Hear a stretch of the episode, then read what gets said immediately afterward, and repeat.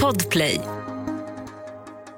Du vet väl om att du kan lyssna på avsnitten av Fallen jag aldrig glömmer en dag före alla andra. Redan på torsdagar kan du lyssna på podden på podplay.se eller i appen Podplay. Och naturligtvis är det gratis.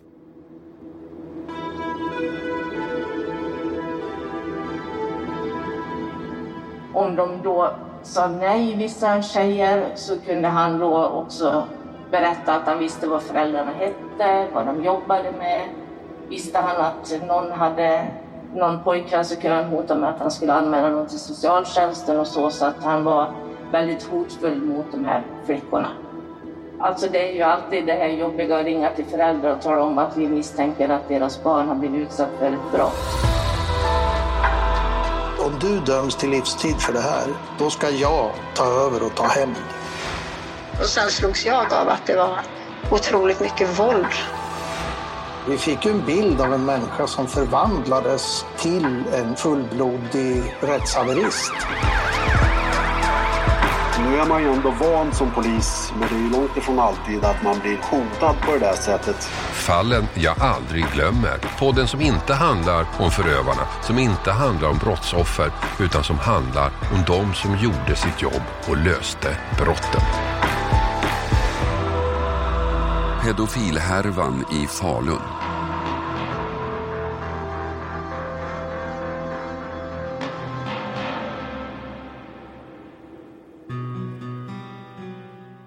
Det blir en betydligt mer omfattande utredning än polisen först tror. Ett försvinnande växer till ett polisarbete i tre olika faser. Det börjar med att kartlägga vad som hände med det första offret och det växer snart till den andra fasen, att hitta alla andra offer. Och så den sista utmaningen, den sista fasen, att försöka överlista gärningsmannens bemödande att dölja bevisen. Allt börjar sent på kvällen den sista januari 2021 på en gård i Dalarna. Där bor en familj med en 12-årig dotter, en dotter som föräldrarna tror har gått till sitt rum och lagt sig. Men så är det inte. När pappan går upp till rummet är flickan borta.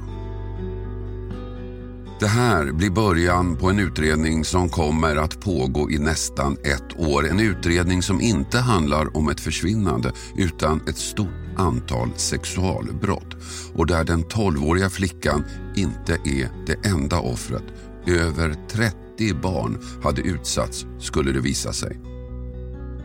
Men det var ingen som visste den här vinternatten i Dalarna. Pappans första tanke är att flickan inte har råkat ut för ett brott utan att hon själv smitit från hemmet.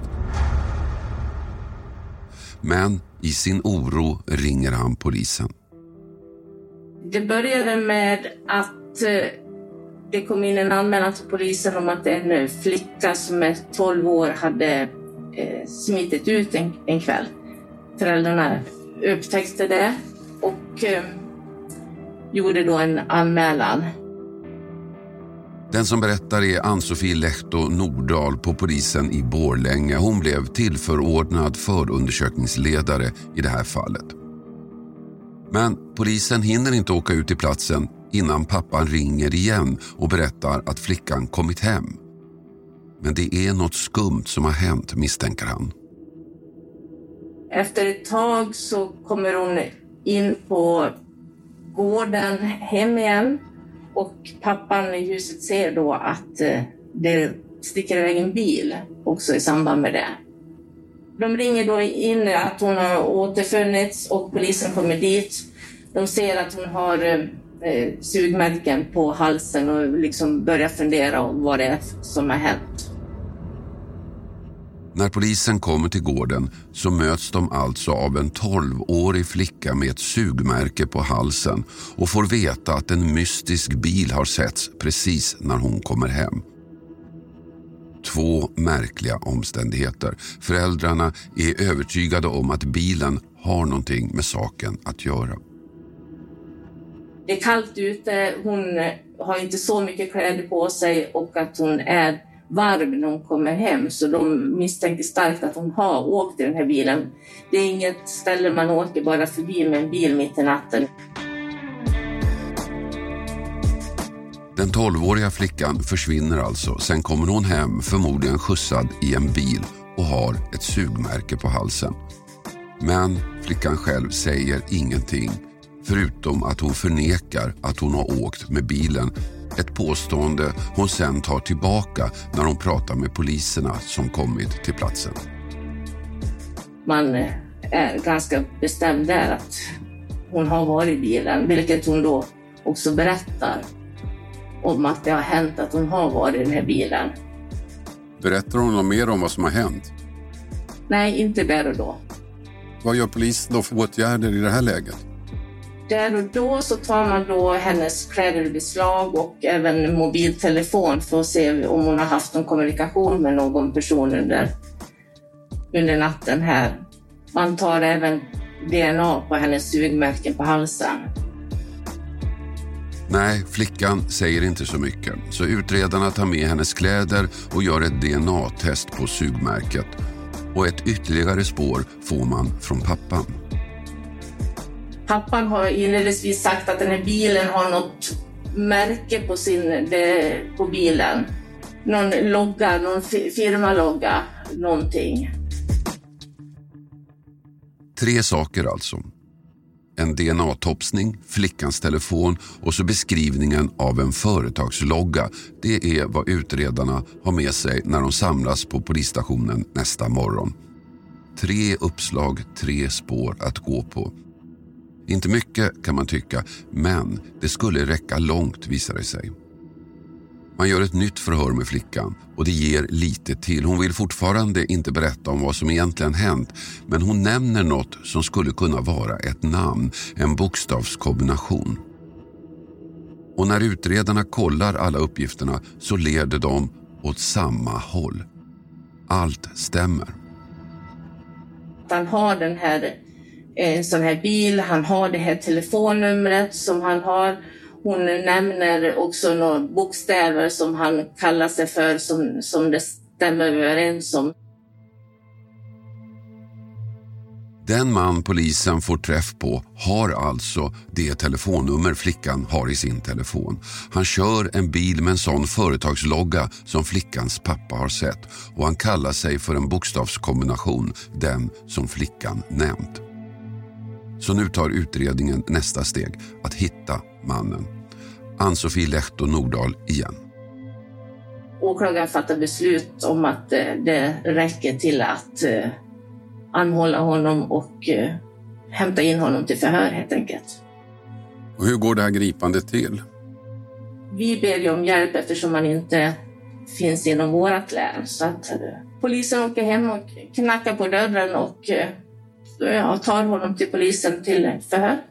Vad säger han då? då? Han nekar.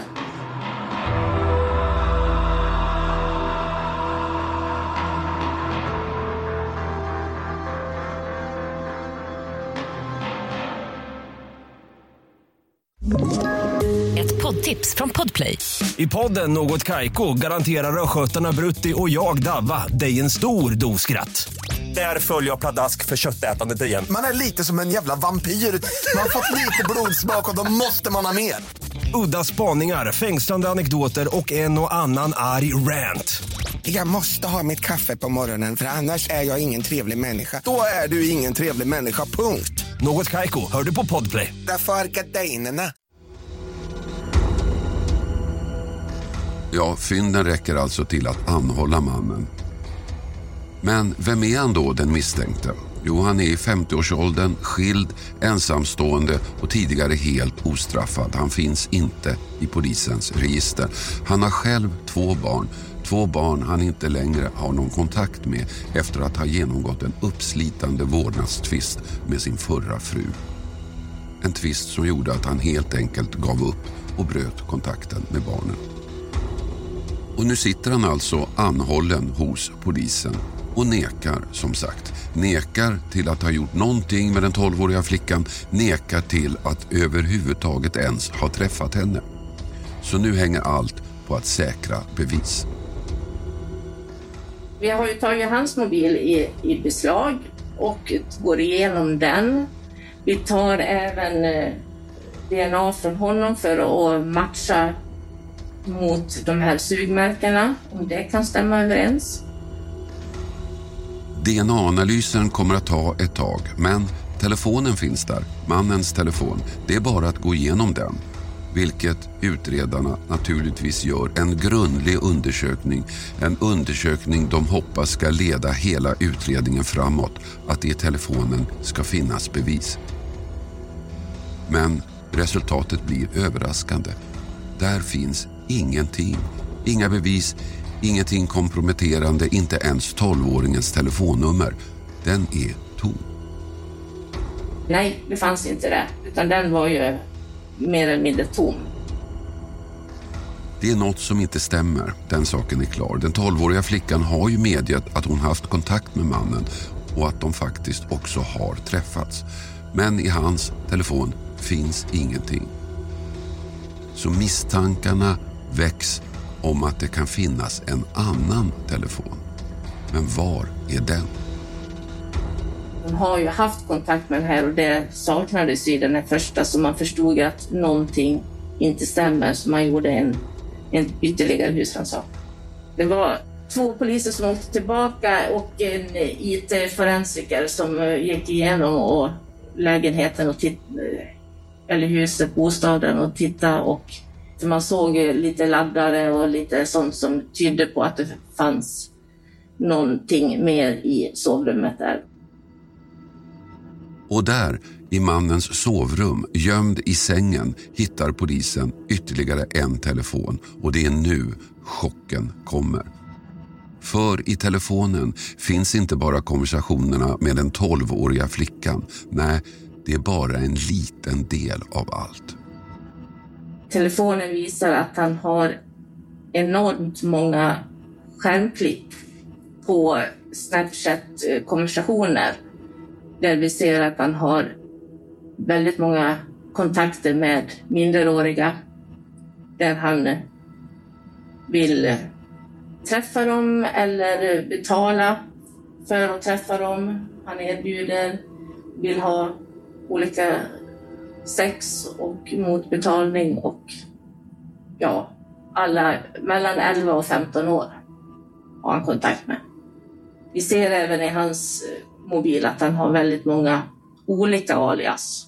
Han har, jag kommer inte ihåg exakt, men över tio stycken olika alias som han har. Så att eh, han kallar sig för olika personer mot olika tjejer. I hans telefon finns alltså skärmdumpar på konversationer med andra flickor. Konversationer om sex, där han vill träffas, där han erbjuder pengar, där han också hotar.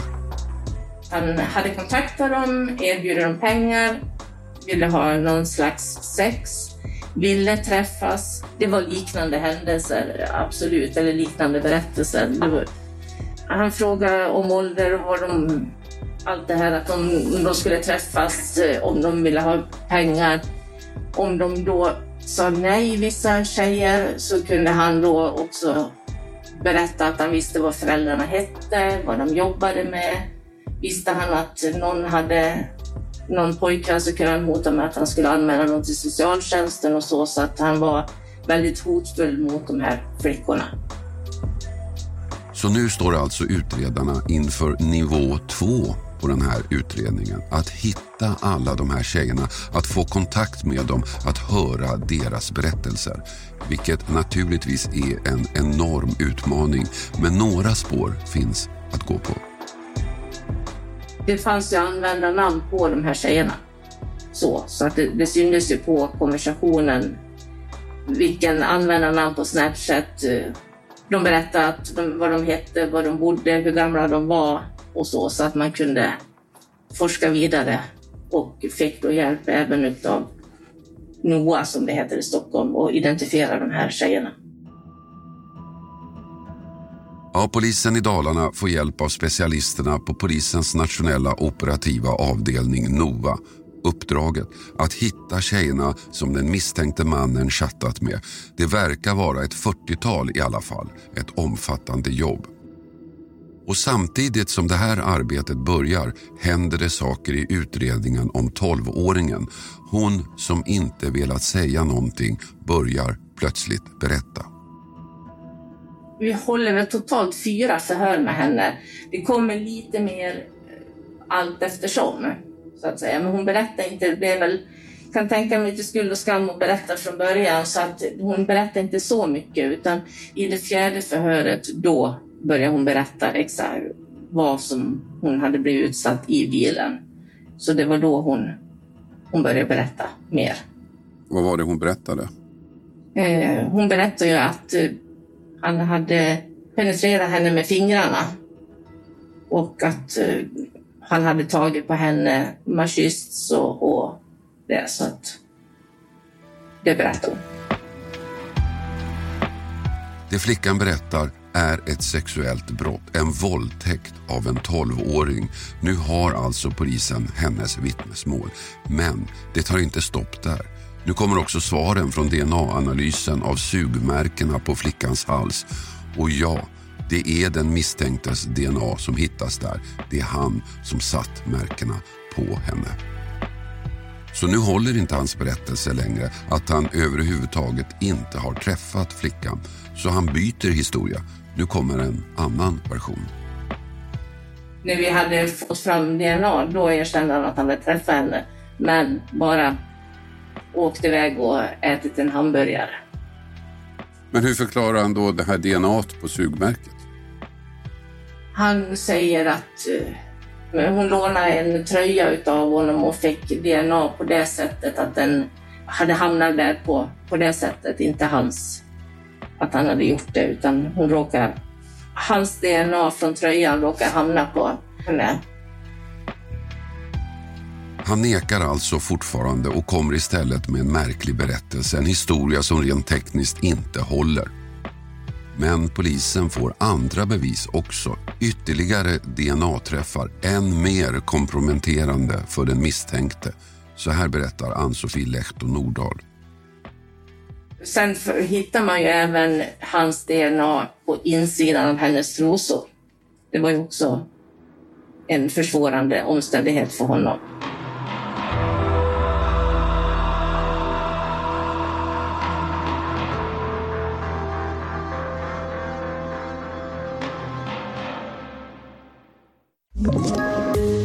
Poddtips från Podplay.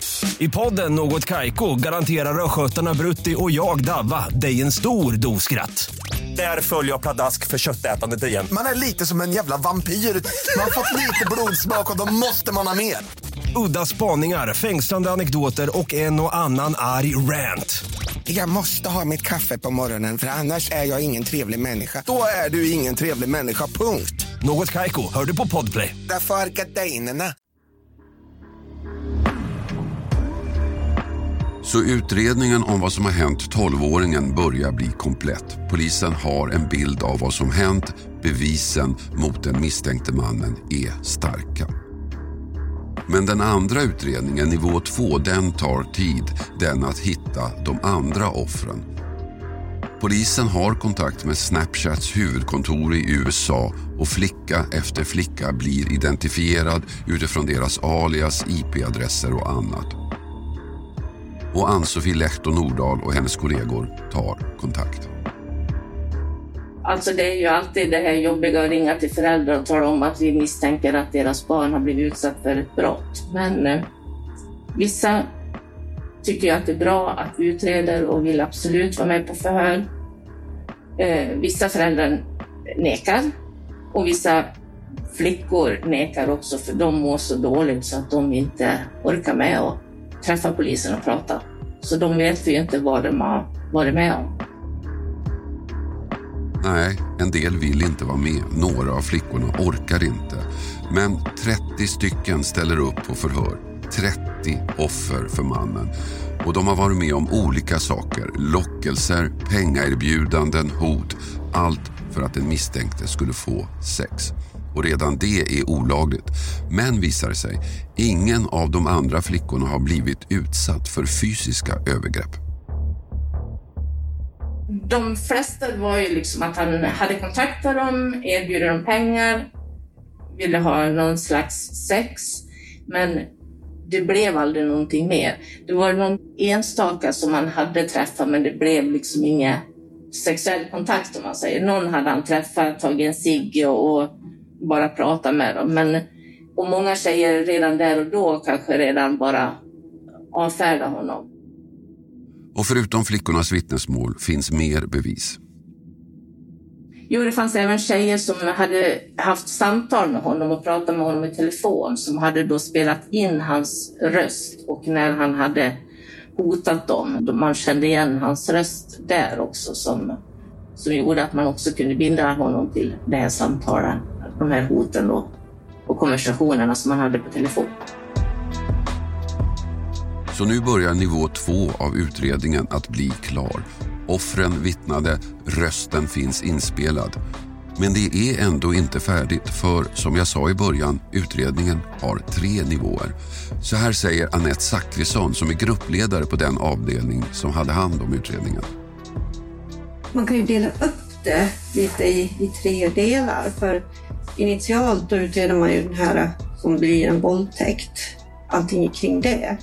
Och sen påbörjar man ju arbetet med alla andra målsägande som tar sin tid och det är ju ganska många månader innan man har genomfört det här och det blev ju också över sommartid.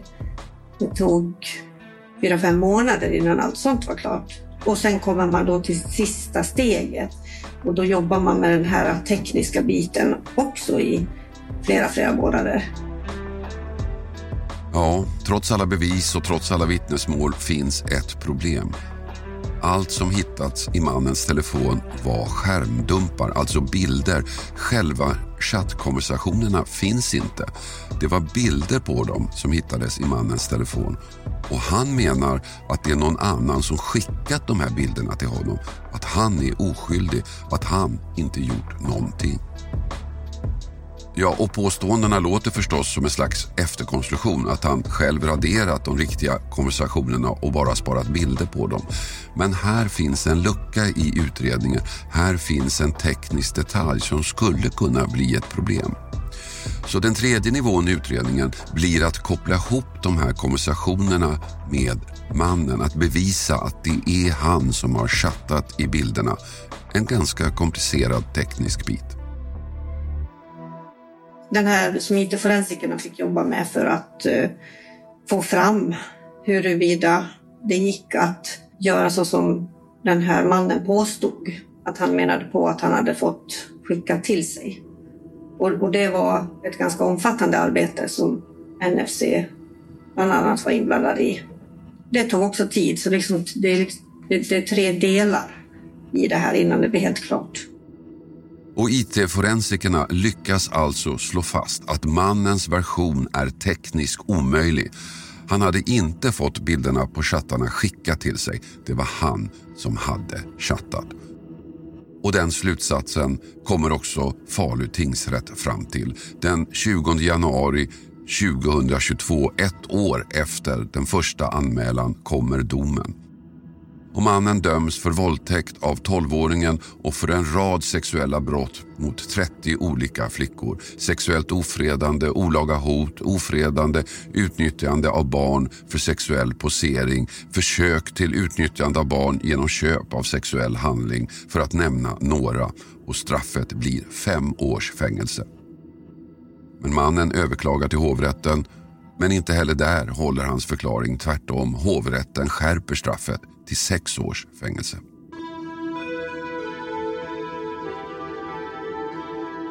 Den tog sin tid, den här utredningen, men poliserna gjorde ett gediget arbete. Systematiskt gick de igenom allt och gjorde en teknisk analys som visade att mannens egen förklaring inte höll. Alla gjorde sitt jobb helt enkelt. Så här säger Annette Zackrisson. De här förhören blir ju väldigt omfattande och tragglande och eh, tar lång tid och kräver mycket. Så jag tänker också att det är någonting som gör att det här ärendet, att man, man inte glömmer det på grund av den förhörssituationen misstänkte tycker jag också bör lyftas fram. För Ann-Sofie Lehto Nordahl var det naturligtvis en bekräftelse när domen kom. Och hon är förstås nöjd med att utredningens arbete höll i rätten. Men en sak gnager henne. Man tänker också på de här tjejerna, flickorna som mådde så dåligt som inte ville vara med. Vad hade hänt där? Men det är ju någonting som fortfarande vi, vi inte vet.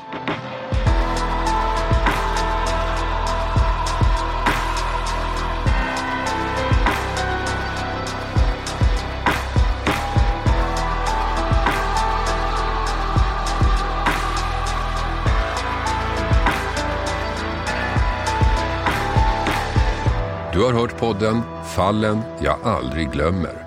Klippning David Davva Persson. Och jag heter Hasse Aro. Du vet väl om att du kan lyssna på avsnitten av Fallen jag aldrig glömmer en dag före alla andra. Redan på torsdagar kan du lyssna på podden på podplay.se eller i appen Podplay. Och naturligtvis är det gratis. Podplay, en del av Power ett poddtips från Podplay. I podden Något Kaiko garanterar östgötarna Brutti och jag, Davva, dig en stor dos skratt. Där följer jag pladask för köttätandet igen. Man är lite som en jävla vampyr. Man har fått lite blodsmak och då måste man ha mer. Udda spaningar, fängslande anekdoter och en och annan arg rant. Jag måste ha mitt kaffe på morgonen för annars är jag ingen trevlig människa. Då är du ingen trevlig människa, punkt. Något Kaiko, hör du på Podplay. Därför arkadeinerna.